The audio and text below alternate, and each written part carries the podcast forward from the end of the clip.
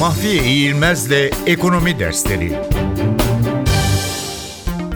Döviz rezervi belirleyicileri Döviz rezervi miktarını belirleyen değişkenlerden en önemlisi ülkenin ödemeler dengesidir. Ödemeler dengesindeki cari denge fazla verirse döviz rezervlerinin artması, ödemeler dengesi açık veriyorsa döviz rezervlerinin azalması söz konusu olur.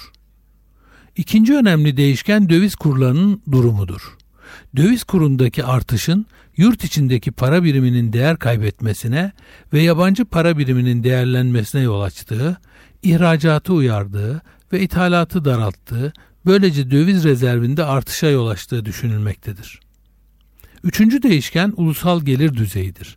Ulusal gelir düzeyi ile döviz rezervleri arasında doğru yönlü bir ilişkinin varlığı genel olarak kabul görmektedir.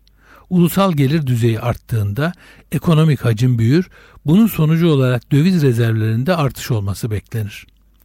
Dördüncü değişken dış borçlardır. Dış borçlarda ortaya çıkan artışlar cari açığı arttırarak döviz rezervlerinin azalmasına yol açabilir.